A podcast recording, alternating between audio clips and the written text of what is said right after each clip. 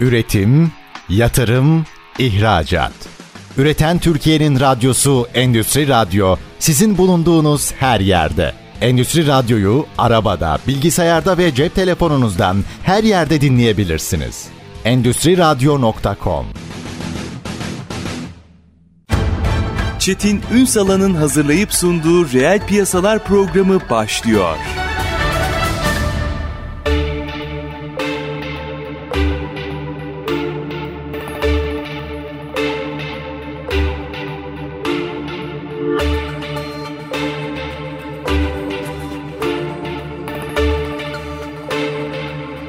Reel piyasalardan merhabalar. Türkiye'nin gerçek gündeminde birlikteyiz efendim. Bugün hepimizin aslında farklı branşlarda izlemekten keyif aldığımız bir temaşa olan, kendi içerisinde bu haliyle aslında bir eğlence sektörünün önemli bir parçası olan spor ekonomisini konuşacağız ama mesele artık o kadar büyük boyutlara geldi ki temaşa olmak tek başına çıktı. Tabii bunun başını futbol çekiyor. Bütün dünyada dev bir endüstri haline geldi. Bu endüstriyle ilgili büyüme gerçekleştikçe bir tarafta regülasyonlar geliyor, bir tarafta kulüplerin yönetim biçimleri geliyor. Hepsinin ötesinde mesela bir finansal fair play meselesi var. Biraz sonra açacağım. 2008 krizine kadar çok ciddi geliyordu böyle bangır bangır geliyordu. Birazcık gevşedi ama bu geçiş dönemi gibi gibi aslında konuşacağımız o kadar çok şey var ki biz bugün sporun ekonomisine bakacağız. Bu işin uzmanı bizlerle birlikte hem bağımsız denetçi aynı zamanda spor ekonomisti Bora Yargıç. Bugün reel piyasaların konu. Sayın Yargıç hoş geldin. Hoş bulduk. Merhabalar. Herkese haftanın son günü iyi bir gün olmasını diliyorum. Teşekkürler. Va var olunuz. Üstadım çok devasa. Yani şöyle düşünün. Bizim çocukluğumuzda hatırladığımız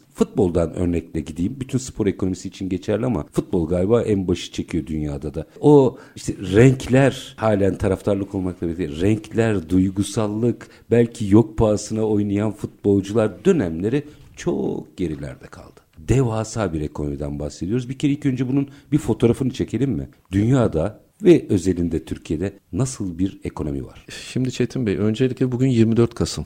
Başta öğretmen olan annem ve Türkiye'deki tüm öğretmenlerin Öğretmenler Günü'nü canı gönülden kutluyorum bir var öğretmen olun. çocuğu olarak. Var olun. Gelelim konumuza. Yıl 1994 Simon Cooper bir kitap yazıyor. Kitapta aynen şunu diyor. Şimdi ben bazı gazete başlıklarımda, makalelerimde, köşe yazılarımda bunu sık sık ifade ediyorum. Futbol asla sadece futbol değildir. Buradan yola çıkalım. Biz nereden bahsediyoruz? Dünyanın en büyük ekonomisinden bahsediyoruz. Yani siz de ekonomi programlarına çıkıyorsunuz. Bir sürü endüstri var. Dünyanın en büyük endüstrisinden bahsediyoruz. Bakın bir örnek vereyim. Sağlık sektörü, sağlık endüstrisi ya da Hollywood film sektörü endüstrisinden daha büyük bir endüstriden bahsediyoruz. Futbol artık öyle bir pozisyona geldi. Bu ekonomi çok büyük volümlere, çok büyük hacimlere ulaştı. Dünyada da Türkiye'de de tabii iş ekonomi ve endüstriye dayandığı zaman işin içinde mali boyut, para, bugünkü konumuz Financial Fair Play ve Türkiye'ye yansıması 7405 sayılı spor yasası herkesi etkiliyor. Ama futbol o görselliği, o zevki, o tutkusuyla, o heyecanıyla hem işin finansal tarafını hem işin sportif tarafını ve bizdeki o hazzı, mutluluğu, coşkuyu göz önünde bırakıyor. Bakın milli takım nedeniyle ara verildi futbola. Şimdi çevremdeki herkese soruyorum. İnsanlar hafta sonu maç olmadığı zaman kendilerini böyle mutsuz hissediyorlar. Boşlukta hissediyorlar. Ya ligler ne zaman başlayacak?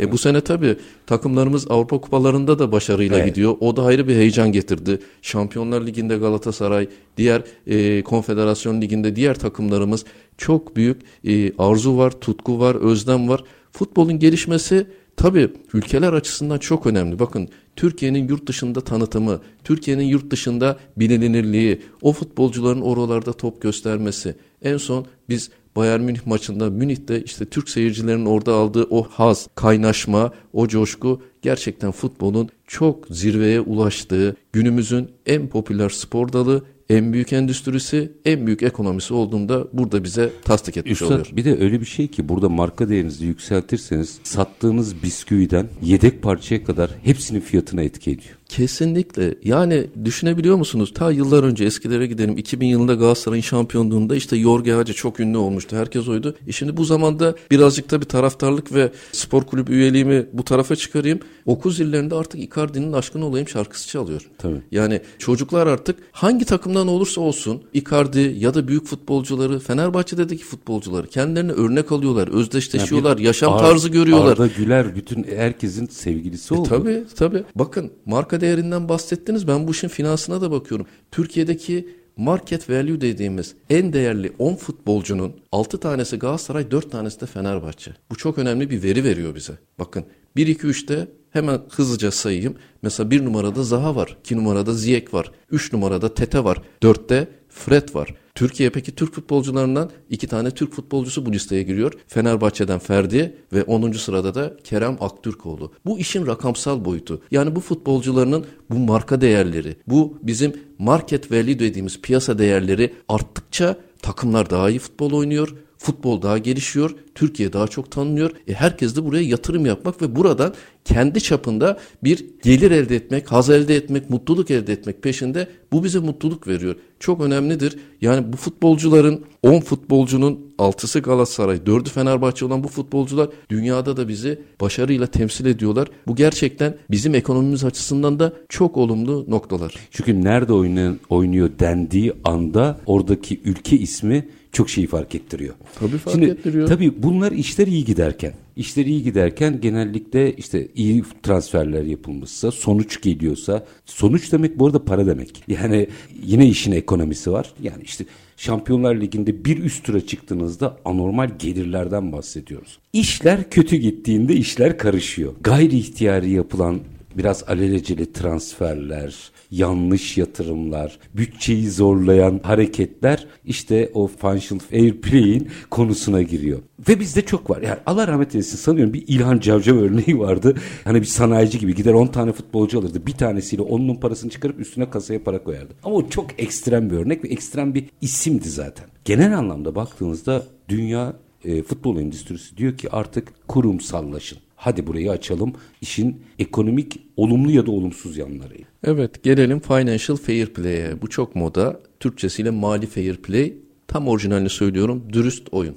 UEFA 2011'de getirdiği kriterlerle financial fair play'i getirip takımlara kendinize çeki düzen verin. Beni de bu işlerin içine sokmayın dedi. Bunun Türkçesi bu. Dürüst oynayacaksınız bunu. Mali tarafınızı, mali tablolarınızı, borçluluğunuza dikkat edeceksiniz. Sportif başarı için gelirlerinizin üzerinde kat kat borçlanma yapmayacaksınız dedi. Ve bunun akabinde tabii bizde de 2022 yılında 22 Nisan 2022 yılında spor yasası aynen Financial Fair Play'in Türkiye'ye uyarlanması spor yasası çıktı. Peki Financial Fair Play ne diyordu? Eğer siz bir harcama yapıyorsanız bir geliriniz yapıyorsanız örneğin maaşlar, futbolcu maaşları, bonuslar, amortisman transfer ücretleri sizin geliriniz kadar olacak diyordu. Siz geliri aşan bir tutarda harcama yapmayacaksınız diyordu. Dolayısıyla bir şirket nasıl yönetiliyorsa şimdi biz ticaret kanununda şirketler sınırsız olarak yapılır. Tek amacı kardır. Peki futbol kulübünde, şirketleşen futbol kulübünde amaç ne? Tabii ki kar elde etmek ama bunun yanında sportif başarı elde etmek. Tabii çünkü Şimdi iki tane en büyük kar var. Sportif başarı da çünkü kara etki ediyor. Senin zaten senin e, biraz muhasebeden bahsedelim. Senin Ürünümüz zaten çünkü. futbolcu, senin stoğun futbolcun. Sen iyi futbolcu alır, başarılı olursan Avrupa kupalarına gidersin, Şampiyonlar Ligi'ne gidersin. Her aldığın puanda para kazanırsın. Taraftarını memnun edersin. Defter değerin artar, piyasa değerin artar. Sen daha değerli bir şirket haline gelirsin. Dolayısıyla sportif başarı için tabii ki bu harcamaların yapılması şart. Ama burada tabii ipin ucunu kaçıran, ipin ucunu şey yapan takımlar da var. İşte UEFA Financial Fair Play ile bu oyunu dürüst oynayacaksınız. Mali harcamalarınızı gelirinize göre yapacaksınız ve bunları sürekli ben kontrol altında tutacağım diyerek bu işi 2012'de getirdi. UEFA'nın içinde bir ekip var. Mali denetim ekibi. Aynı bizim gelir idaresindeki teftiş kurulu gibi vardır ya vergi müfettişleri şirketleri denetlerler. Bu ekip de İşi bu olan. Yani işi tamamen finans ve mali tablo olan, işi tamamen spor kulüplerinin bütçelerini, harcamalarını, gelirlerini denetleyen, kontrol eden, finansal analizi yapabilen uzman kişilerden oluşuyor. Bunlar her sezon Avrupa'daki kulüplerin işte bu financial fair play'e uyup uymadıklarını, harcamalarının gelirleriyle doğru orantılı olup olmadığını, gelirin çok üzerinde bir harcama yapıp yapmadıklarını kontrol ediyorlar. Peki bu kontrol sonucunda bu işin bir de müeyyidesi var tabii ki. Hatırlayınız en son İngiltere'de Premier Lig'de Everton'dan 10 puan silindi. Doğru finansal sürdürülebilir anlaşmasına uymadığı gerekçesiyle. Şimdi sadece puan silme yok. Bunların cezaları da var. Uyarı var, kınama var, Küme puan silme. Var. Tabii tabii. Yani disiplin cezaları çok var. Çünkü UEFA bunun bir müeyyidesinin olmasını istiyor. Tabii ki bir cezai müeyyide olacak ki o kanun, o kurallara uyulması gerekiyor. Orada şartlar gerçekten işte bu bütçe ve harcama şartlarına uyması gerekiyor. Financial Fair Play'e. Tabii bu en çok küçük kulüpleri aslında etkiledi. Şimdi düşününüz ki Paris Saint Germain gibi, Manchester City gibi, Chelsea gibi çok büyük devasa kulüpler aslında gelirlerini kat kat üzerinde harcamalar zaman zaman yapabiliyorlar. Yani o zaman da herkesin aklına ya nerede kardeşim bu financial fair play? Yani sadece bize mi işliyor bu kanun diye sorular geliyor. Ama futbol o kadar büyük bir endüstri hale geldi ki diyoruz ya bir sağlık sektöründen bile bir Hollywood endüstrisinden bile daha büyük bir endüstri olduğu için bu harcamaların, bu bütçenin bu yatırımın mutlaka bir regülasyon tarafından kontrolünün sağlanması gerekiyor. Burada da UEFA işte devreye bir giriyor. Bir de 2011'de bu yasa diyeyim artık. E, hı hı. Yasalar gündeme gelmeden önce yine OECD'nin bir raporu vardı. Tabi hacim büyüdükçe kötü niyetli kişilerin de konsantre olduğu bir alan haline geliyor. Dünyanın en çok kara para aklanan başlıklarından biri haline geldiği uyarısı raporlara geçti. Herkes yapıyor manasında çıkmasın ama hacim varsa potansiyel de var diyor. Biraz da bu nedenle çok tavizsizler sanıyorum. Evet, evet. Şimdi ada ülkelerine bakalım. Dünyanın en büyük ligi Premier Lig diyoruz Hı-hı. değil mi? Buradaki en değerli takımlar. Şimdi ada liglerinde Arap şehirlerinin, işte Dubai'li milyarderlerin, çok zenginlerin aldığı kulüpler haline geldi. Manchester City'den başladı, Manchester United, diğer takımlar yine Chelsea'nin Chelsea. Rus milyarder Abramovich'in aldığı o kadar büyük hacimlere ve volümlere ulaştı ki bu iş. Dediğiniz gibi kara paranın aklanması mı diye soruyor yani. Şimdi bu şüphelerin olması orada işte belirli imarelerin olduğu, orada bir bulguların evet. olduğunu zaten gösteriyor. Ama şimdiye kadar resmi olarak kara paranın aklandığı bir para, bir spor kulübü ya da bir yatırım aracı mıdır? Bu konulardaki araştırmalar devam ediyor. Ama bu zengin şeyhlerin, bu zengin iş adamlarının futbola bu ilgisi, bu takımları milyar milyar dolarlık bütçelerle satın almaları, buralarda var olmaları, Premier Lig'deki işte bu Arap milyarderlerin buraya ilgisi futbolun hala çok çekici, çok cazip bir yatırım aracı olduğunu da bize gösteriyor. Tabii tabii. Yani o gidip bir gayrimenkul almak yerine bir futbol kulübüne yatırım yapıyor. Evet. Yani ee, Manchester City şu an dünyanın en değerli takımı. Bakın yine market veriyor gelelim. Dünyanın en değerli futbolcusu. Erling Haaland. Hemen arkasından Kylian Mbappe geliyor. Paris Saint Germain, Premier Lig takımları, Manchester United, Liverpool, dünyanın devleri işte bu sahnede hem görsel şovu yapıyorlar hem de bu zengin milyarderlerin, iş adamlarının her zaman ilgi odağı olup satın almak istediği şirket ve takımlar haline geliyor. Müthiş. Burayı biraz açacağım. Şimdi kısa bir araya gideceğim. Aranın ardından 2009 krizinden sonraki gelişmelerle birlikte biraz aslında toleranslı davrandı dünya. UEFA özellikle. Çünkü işte hatırlarsınız o dönemde Premier Lig'de bile sponsorlukların sıkıntıya düştüğü vesaire bir süreç yaşadık. Ama bence artık bitiyor. Bundan sonra işler çok sıkılaşacak. Bizi neler bekliyor spor ekonomisi adına? Buna bir mini kara verelim. Aranın ardından açalım. Efendim konuğumuz bağımsız denetçi spor ekonomisti Bora Yargıç. Spor ekonomisini futbol üzerinden özellikle mercek altına alıyoruz. Kısa bir ara lütfen bizden ayrılmayın. Üretim, yatırım, ihracat. Üreten Türkiye'nin radyosu Endüstri Radyo sizin bulunduğunuz her yerde. Endüstri Radyo'yu arabada, bilgisayarda ve cep telefonunuzdan her yerde dinleyebilirsiniz endüstriradyo.com Kısa bir aranın ardından reel piyasalarda tekrar sizlerle birlikteyiz. Spor ekonomisini mercek altına alıyoruz. Öz, özellikle Financial Fair Play kriterleri çerçevesinde konuğumuz bağımsız denetçi, spor ekonomisti Bora Yargıç. Şimdi dünyaya da e, mercek tutacağız. Bize de geleceğiz bu arada. Şimdi Şöyle bir meseleye atıfta bulunmuştum giderken 2009 krizi ondan sonraki süreç falan çok net olmalarına rağmen toleranslı davrandılar. Ve bence doğru da yaptılar. Çünkü öbür türlü endüstriyi çökertirsiniz. Ama artık ufak ufak işler tersine dönüyor. Tamam dedi o süreç bitiyor artık. Bundan sonra galiba daha sıkı davranacaklar. Bizi ne bekliyor? Doğru gerçekten sıkı davranacaklar. Şimdi Financial Fair Play'in çıktığı noktada bu işin bir iğne deliğinden kaçan noktasını tespit etmişler. Nasıl? 50 milyon sizin bütçeniz var. Ama bir bakıyorsunuz ya bu takım 300 milyonluk transfer, Transfer yapıyor. yapıyor. Siz bunu nasıl gerçekleştiriyorsunuz? Burada bunun aslında cevabı muhasebe kurallarında. nasıl? Kısaca anlatayım. Muhasebeciler uzmanı de karşımda. Nasıl yapıyorlar bunu? Bakın bir futbolcuyu aldığınız zaman futbolcuyla 8 yıllık kontrat yapıyorsanız bunun amortismanını 8 yılda amorti ediyorsunuz. Ama bir futbolcuyu sattığınızda gelirin tamamını o yılın geliri olarak yazıyorsunuz. 40 milyon euroya bir futbolcu sattığınızı düşün. Gelirin tamamı 40 milyon euro. Sizin revenue'nuz 40 milyon euro. Ama sizin gideriniz 8'e bölüyorsunuz 40 milyon euroyu. Yılda 5 milyon gider yazıyorsunuz. İşte aradaki 35 milyona ilave harcama yapıp yeni transfer yapıyorsunuz. Amortismanları yıllara yayıyorsunuz. Giderleri yıllara yayıyorsunuz. Geliri tek seferde yapıyorsunuz. Bu ne IFRS'e ne muhasebe kurallarına uygun ama buna bir şey demiyor Financial Paper'ı. Türkiye'de de böyle. Yani siz eğer bir futbolcu sattınız. O futbolcunun gelirini o yıla gelir yazdınız. işte sizin bütçeniz o kadar fazla verdi. Siz o zaman o fazla verilen bütçe kadar ver Allah ver ne kadar transfer yapabiliyorsam yapayım o futbolcuyu transfer ediyorsunuz. E giderler e giderler kontrat süresine bağlı. İşte bunu gören UEFA artık futbolcu transferlerinde kontrat süresini 5 yılla sınırladı. Dedi ki siz amortismanı 5 yıldan daha fazla ayıramazsınız arkadaş. Siz eğer 100 milyonluk bir futbolcu transfer ediyorsanız 20 milyonlu sadece amortisman gideri yazacaksınız. Öyle 8'e böleyim her sene 10 milyon 10 milyon yazayım. Transfer gelirinin tamamı da gelir yazayım. Hayda yeni transfer yapayım. Hocam bu bütçe makyajlaması değil mi? Evet işte dedim ya bunun çözümü muhasebe kurallarında diye. Bu tamamen muhasebe kuralına göre işleyen bir kural.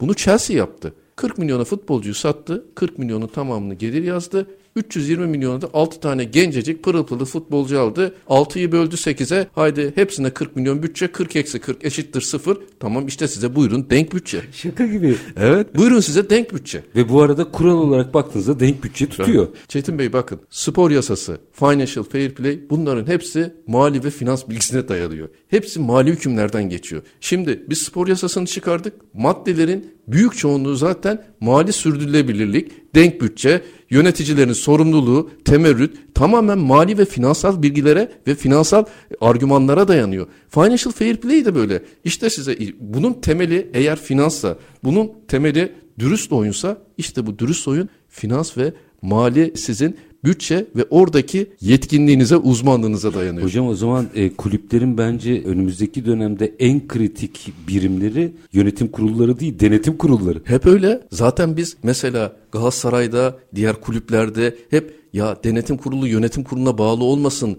Bunları bağımsız yaparım. Yönetim kurulu adına yapılan bir denetim özel bir denetim, bağımsız bir denetim olmuyor. Siz yönetim kurulunu raporlayan onun altındaki alt bir kurul oluyorsunuz. Ama denetim bağımsızdır, denetim şeffaftır, denetim sürdürülebilirdir. Orada denetimin hiç kimseden emir ve yetki alacak, hiç kimsenin altında, onun altındaki bir kurulda çalışacak bir pozisyonda olmaması lazım. Ama ne yazık ki bizdeki dernek kuruluşlarında, dernekler kanununda, spor derneklerinde, spor AŞ'lerde yönetim kurulu, denetim kurulu, disiplin kurulu, sicil kurulu bunların hepsi yönetim kuruluna bağlı olarak çalışan kurullar, organlar haline gelmiş. Bu da oradaki denetimin aslında çok da sağlıklı ve bağımsız bir denetim olmadığının göstergesi. 2022 yasası bunu düzenliyor mu? 7405 sayılı kanunda aslında birçok bununla ilgili düzenlemeler var. Evet bunun düzenlemesi lazım. Şimdi spor yasasına geçelim. Çok önemli orada maddeler var. Burada bir kere artık dernekler kanununda İçişleri Bakanlığı yetkiliydi. Spor yasası devreye girdiğinde artık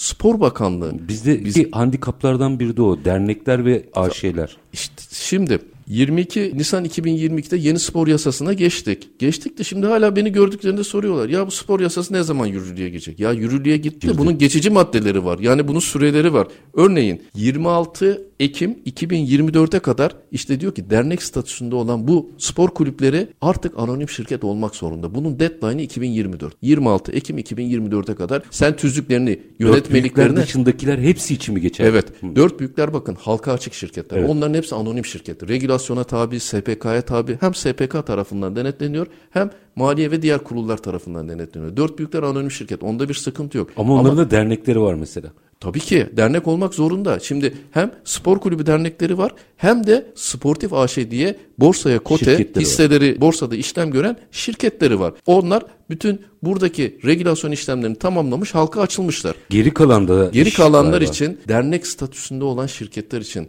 Türkiye'nin o diğer kulüpleri için onların anonim şirket haline geçmesi, kurumsallaşması, bütün tüzüklerini, yönetmeliklerini, organlarını, yönetimlerini buna göre düzenlemeleri için kanunun verdiği son süre Ekim 2024. Artık Ekim 2024'ten sonra bu kanunda artık ilave bir düzenleme yapılmazsa tüm spor kulüpleri dernek statüsündeki spor kulüplerinin anonim şirket olma zorunlulukları var. Yani bir seneden azdan bahsediyoruz. Evet, evet bunlar var. Tabi sadece anonim şirket değil. Bu kanunun da gerçekten mali disiplin, mali denetim, şeffaflık, sürdürülebilirlik, bağımsızlık gibi birçok önemli maddeleri var. Tamamen financial fair play hükümleriyle eş güdümlü olarak çıkarıldı. Yöneticilere getirilen sorumluluklar, denk bütçe.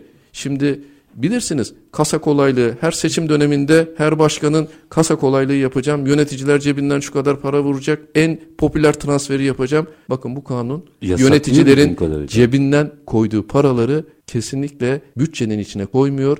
Bunları oranın gelir kalemi olarak kabul etmiyor. Hem mali tablolarda hem bilançolarda artık kasa kolaylığı diye bizim piyasada bildiğimiz yöneticilerin şahsi mal varlığında koyduğu paralar artık bütçenin içine gelir kalori olarak yazılmıyor. Orada bir şey sorabilir miyim? Çünkü takıldığım bir şey var orada. Bir kere kural çok net. Onun altını çizeyim öyle gevşeyecek falan bir kural değil. İşte dernek statüsü devreye girince orada bir enteresan bir şey oluyor. AŞ'de bunu yapamıyorsunuz ama derneğe bağışta bulunabiliyorsunuz. Orada da işler rengi biraz kaçıyor. Bizim en büyük zaten handikapımız işte bu dernek statüsünde olan spor kulüpleri. Niye? Zararların hepsini derneğe göm. Evet. Dernekler zararda olsun. Gelirlerin hepsini AŞ'de göster. Neden? O halka açık, o bilançolar güçlü görünsün, varlığım güçlü görürsün, gelir tablom güçlü görürsün. Ondan sonra aa işte bakın ben kâra geçtim. Yani burada zaten Artık bunu yapamazsın diyor anladığım kadarıyla. bunu da yapamazsın diyor. Yani normal bir tüzel şirkette, bir holding şirketinde zaten transfer fiyatlandırması diye bir hüküm var. Kurumlar vergisi kanunlarına göre siz hazine zararı yaratabilecek işte gelirleri bir yerde göstereyim. Giderleri zaten zararı çok yüksek olan şirkette göstereyim. Devrolan zararı onun artsın diye böyle bilanço makyajını andıran böyle para hareketleri böyle transaction'lar yapamıyorsunuz. Spor kulüplerinde de bunu yapamayacaksınız. Zararların hepsini dernekte gösterip e zaten bunda dernek olduğu için bunun kar et dernek zaten kar etmez. Bunun ticari kar amacı yoktur. Dernekler ticari kar gayesiyle amacıyla kurulmaz. Kurulamaz. O dolayısıyla anonim şirket olan halka açık borsaya kote yüzlerce hissedarı olan ve bunu takip eden yatırımcısı olan şirketleri karlı hale getirip bütün gelirleri de orada göstermek çok doğru değil. Bakın bunun aynısı diğer şirketlerde de var. Örneğin şimdi bir spor kulübünün sadece sportif AŞ'si yok. Televizyonu var, gayrimenkulü var, mağazacılığı var, parakende şirketleri var. Aynı hareketleri buralarda da göstermek mümkün. Yani siz örneğin televizyonculuk, medya, siz bir spor kulübünün TV, basın yayın, medya şirketini kurmuşsunuz. Orası zaten zarar. E bütün zararları orada bırak. Onun yaptığı sponsorluk anlaşmaları ha gel halka açık şirkette göster. Gelirleri sportif AŞ'de gösterelim. Giderlerin hepsini alt iştiraklerdeki şirketlerde gösterelim. Bu işte tamamen muhasebe hilesine giriyor. Bunu artık yapamazsın diyorlar ama. Kanunla bunların da bunların da önü bunların hepsi etkin denetimden geçiyor. Bakın denetlenebilir, şeffaf, sürdürülebilir şirketlerde bu tür muhasebe hareketleri yapamazsınız. Bunların çünkü tamamen aldatmaya ve mali tabloların gerçeği göstermemesine gitmeye yönelik e, işlemler bunlar. Bu transaction'lar bunların hiçbirinin yapılıyor olmaması gerekiyor. Bu arada bu söylediğiniz yani biraz önce söylediğiniz mesele çok daha önemli hale geliyor. Yani gerçekten denetim kurullarının özerk bir yapıya büründürülmesi gerekiyor. Yoksa olacak olan şudur bence. Bunun başa çıkamazsak bunu bir bağımsız denetim veya denetim şirketi gelir denetim kurulu adına bunları yapar. O zaman denetim kurulu niye var diye bir durum çıkar ortaya.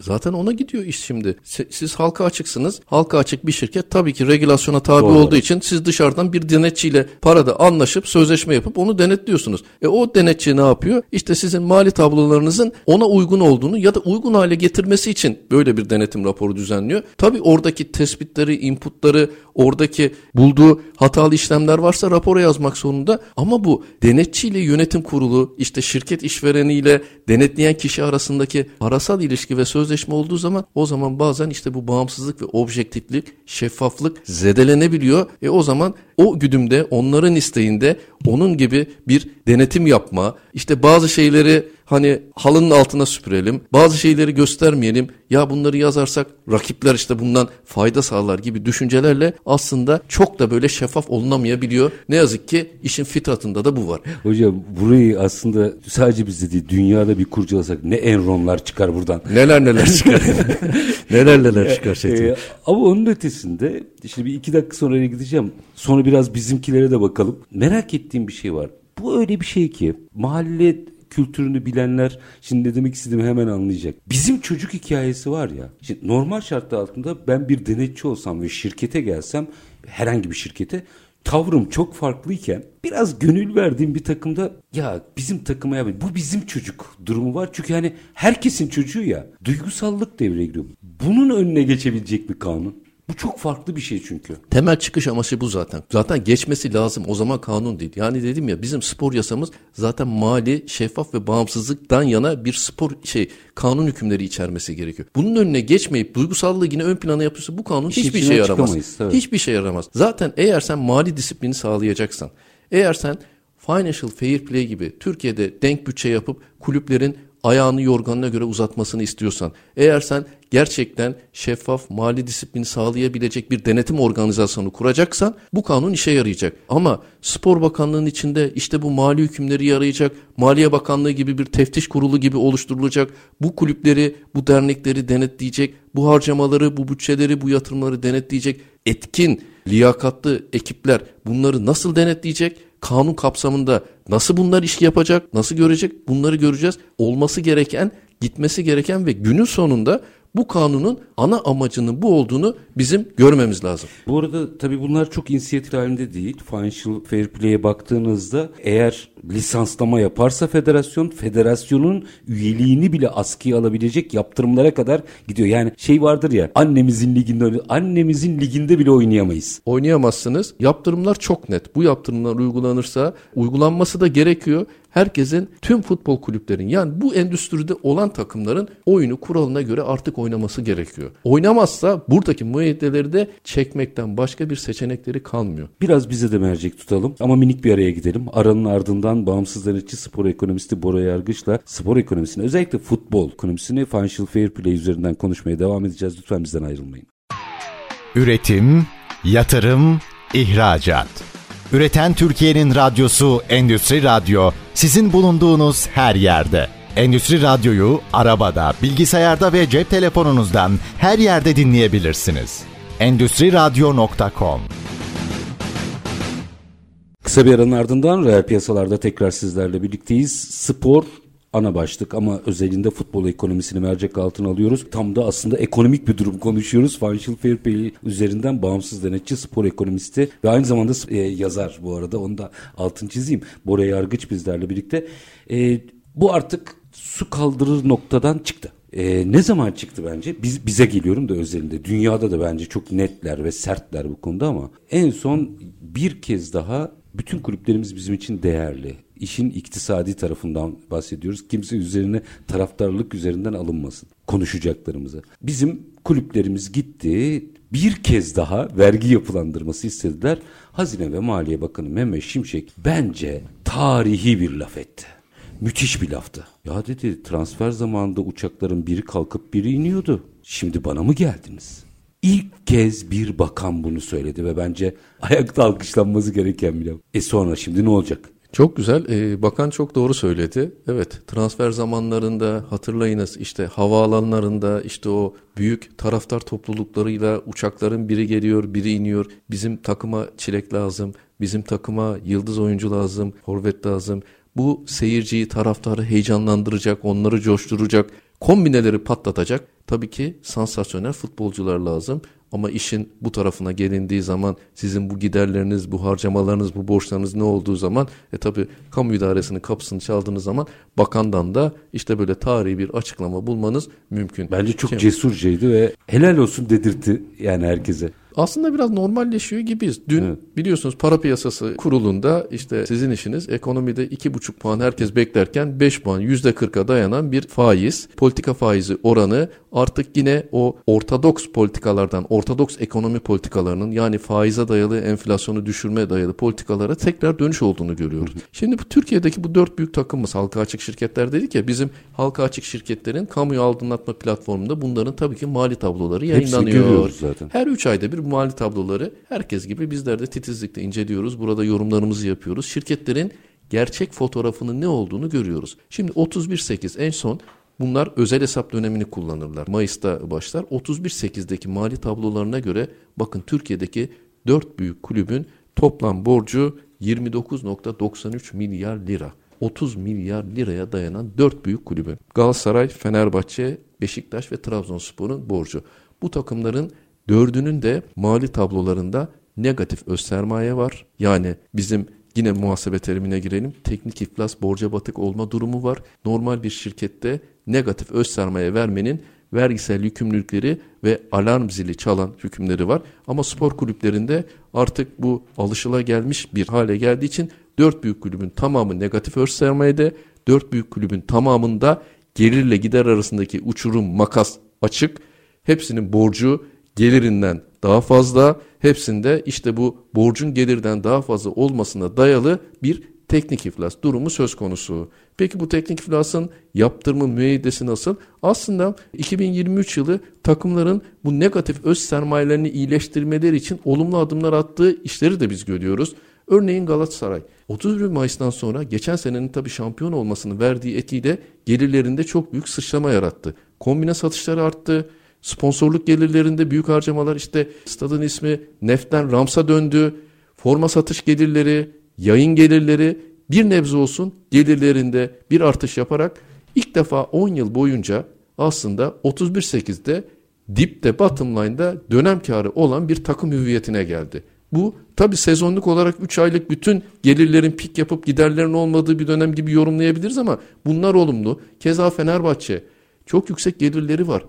Ee, hem mağazacılık gelirleri hem yayın gelirleri hem sponsorluk gelirleriyle Fenerbahçe'de işte bu negatif öz sermaye dediğimiz gelirle gider arasındaki kıskacı kapatacak olumlu işler yaptı. Tabi burada Beşiktaş'ın mali tablosunda ciddi bir makas var. Bu da şu anki işte yönetim kurulu başkanlık seçimi Beşiktaş'ın mevcut sıkıntılarının giderilmesiyle Beşiktaş'ın bu sıkıntılarının ve seçimin yapılmasıyla düzeleceğini düşünüyorum. Bu takımlar iyi olsun. Bakın halka açık her şey iyi olsun. Tabii Ülkenin ki. ekonomisi iyi olsun. Futbol iyi olsun. Türkiye'nin tanıtımı, futbolun iyi gitmesi insanlara hem mutluluk veriyor, insanlara neşe veriyor hem de bu takımların daha güçlü olmasını sağlıyor. Yani bir Icardi'nin Türkiye'ye gelmesi, bir Fred'in Türkiye'ye gelmesi, bunların buralarda top oynaması, Avrupa'da bizleri temsil etmesi gerçekten bakın çok konuşulabilir hale getiriyor bizi. Tabii, milli maçlarına gittiklerinde nerede oynuyor diye bakıldığında mesela Türkiye diyorlar. Çok önemli. Yani siz Paris Saint Germain'den bir futbolcuyu, Napoli'den bir futbolcuyu,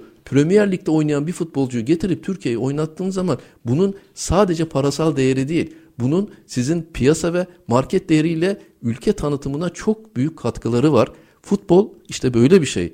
En büyük endüstri dediğimiz zaman bütün dünyayı etkileyen, herkesin aslında gönül verdiği sadece yatırım olarak değil, bir spor sever olarak, bir haz olarak da büyük hazlara ulaştırdığı bir tutku. Hocam o zaman bir 7-8 dakikamız var. Birkaç noktayı daha açmak istiyorum. Bunlar iyi olsun diye konuştuğumuzda yine financial fair play'e gidiyoruz ister istemez. Çünkü orada mesela altyapı bence tartışmasız maddelerden biri. Hala sorunlarımız var o konuyla ilgili. Ne yapmak lazım? Bunu soracağım. İkincisi ya bu tabii sadece kulüp bilançolarından ibaret değil. Bir hafta sonu özellikle Anadolu'da baktığınızda onun restoranından mağazasına vesaire öyle bir ekonomi ortaya çıkıyor ki o şehrin ekonomisi için bile hayati bir hale geliyor. O zaman bütün bunları birlikte değerlendirmek gerekmiyor mu? Siz istemez misiniz? Ben çok isterim Anadolu'daki takımların işte bu Süper Lig'e çıkmasını. Erzurumspor'un, Elazığspor'un, işte diğer tarafta Güneydoğu'daki takımlarımızın çıkması. Oraya o ekonomi gidiyor çünkü. Yani Malatya'nın, onun çevresindeki illerin, Orta Anadolu şehirlerinin yani İstanbul'dan bu kadar takım, İstanbul'dan 8 takım, 9 takım olacağına biraz Anadolu'daki takımlar, Tabii. Karadeniz'deki takımlar, Güneydoğu takımlar başarılı olsa da oraya her türlü ekonomiyi getiriyorsunuz Yani çünkü. aslında şimdi hakkını da teslim edelim. Bu konuyla uygulama yapanların kulüp salt kulüp bilançolarına bakılmama nedeni de bu. Evet. O illerin ekonomisine ve yaşamına olan katkı. Ama bu nereden geçiyor Çetin Bey? Altyapıdan geçiyor. Siz altyapıda endüstriyel futbol için futbolcu yetiştireceksiniz. Altın Ordu bunun çok iyi örneğidir. Bakın Türkiye'de Altın Ordu Spor Kulübü gibi kulüpleri çıkartıp, yeşertip buradan yıldız futbolcuyu yurt dışına transfer ederseniz siz bu işten gelir elde edersiniz. Siz bunu yaparsınız. Niye Türkiye'den bir tane daha Ozan Kabak, niye Türkiye'den bir tane daha Arda çıkmasın? Bunlar çıkacak. Siz bunları satacaksınız. Altın Ordu modelini kuracaksınız. Bu takımlara finansal desteği sağlayıp bu takımları daha kurumsal, daha şeffaf, daha futbolcu yetiştirebilir, altyapıya önem verir bir şekilde yaparsanız Türkiye'de tabii ki hem Türkiye'nin kendi milli hasılası hem endüstrinin gelişmesi hem de oradaki ekonominin gelişmesi açısından bu çok önemli. Sadece futbol değil bakın biz voleybol ülkesiyize çıktı şimdi. Siz voleybola yatırım yapın. Siz su topuna, yüzmeye, diğer branşlara, atletizme yatırım yapın. Buralardan futbolcu çıkarın. Olimpiyatlarda bizim daha fazla madalya kazanan futbolcumuz çıksın. Bunların hepsi işte bu sporun gelişmesi, altyapıya yatırım yapılması sadece futbol değil, sadece birincilik değil, diğer takımlarda da mutlaka bu şekilde o yatırımın yapılması gerekir diye düşünüyorum. Hocam orada o zaman madem burayı açtınız bir 2-3 dakika onu da konuşalım. Şimdi dört büyük kulübün ayrışması tarihlerinden kaynaklanıyor ayrı konu ama ayrıştığı noktalardan biri de bu. Belki onu da madem finansal tabloları konuşuyoruz onu da konuşmak lazım. Futboldan elde edilen bütün gelirle bütün amatör branşları desteklemeye çalışıyorlar. Burada bakın size çok dikkatimi çeken bir husustan bahsedeyim. Şimdi Türkiye'de voleyboldan bahsettik ya. Voleybolda en başarılı takımlar kamu bankaları. Vakıfbank, Halkbank, Ziraat Bankası. Markalara girmeyin Peki hocam rütük.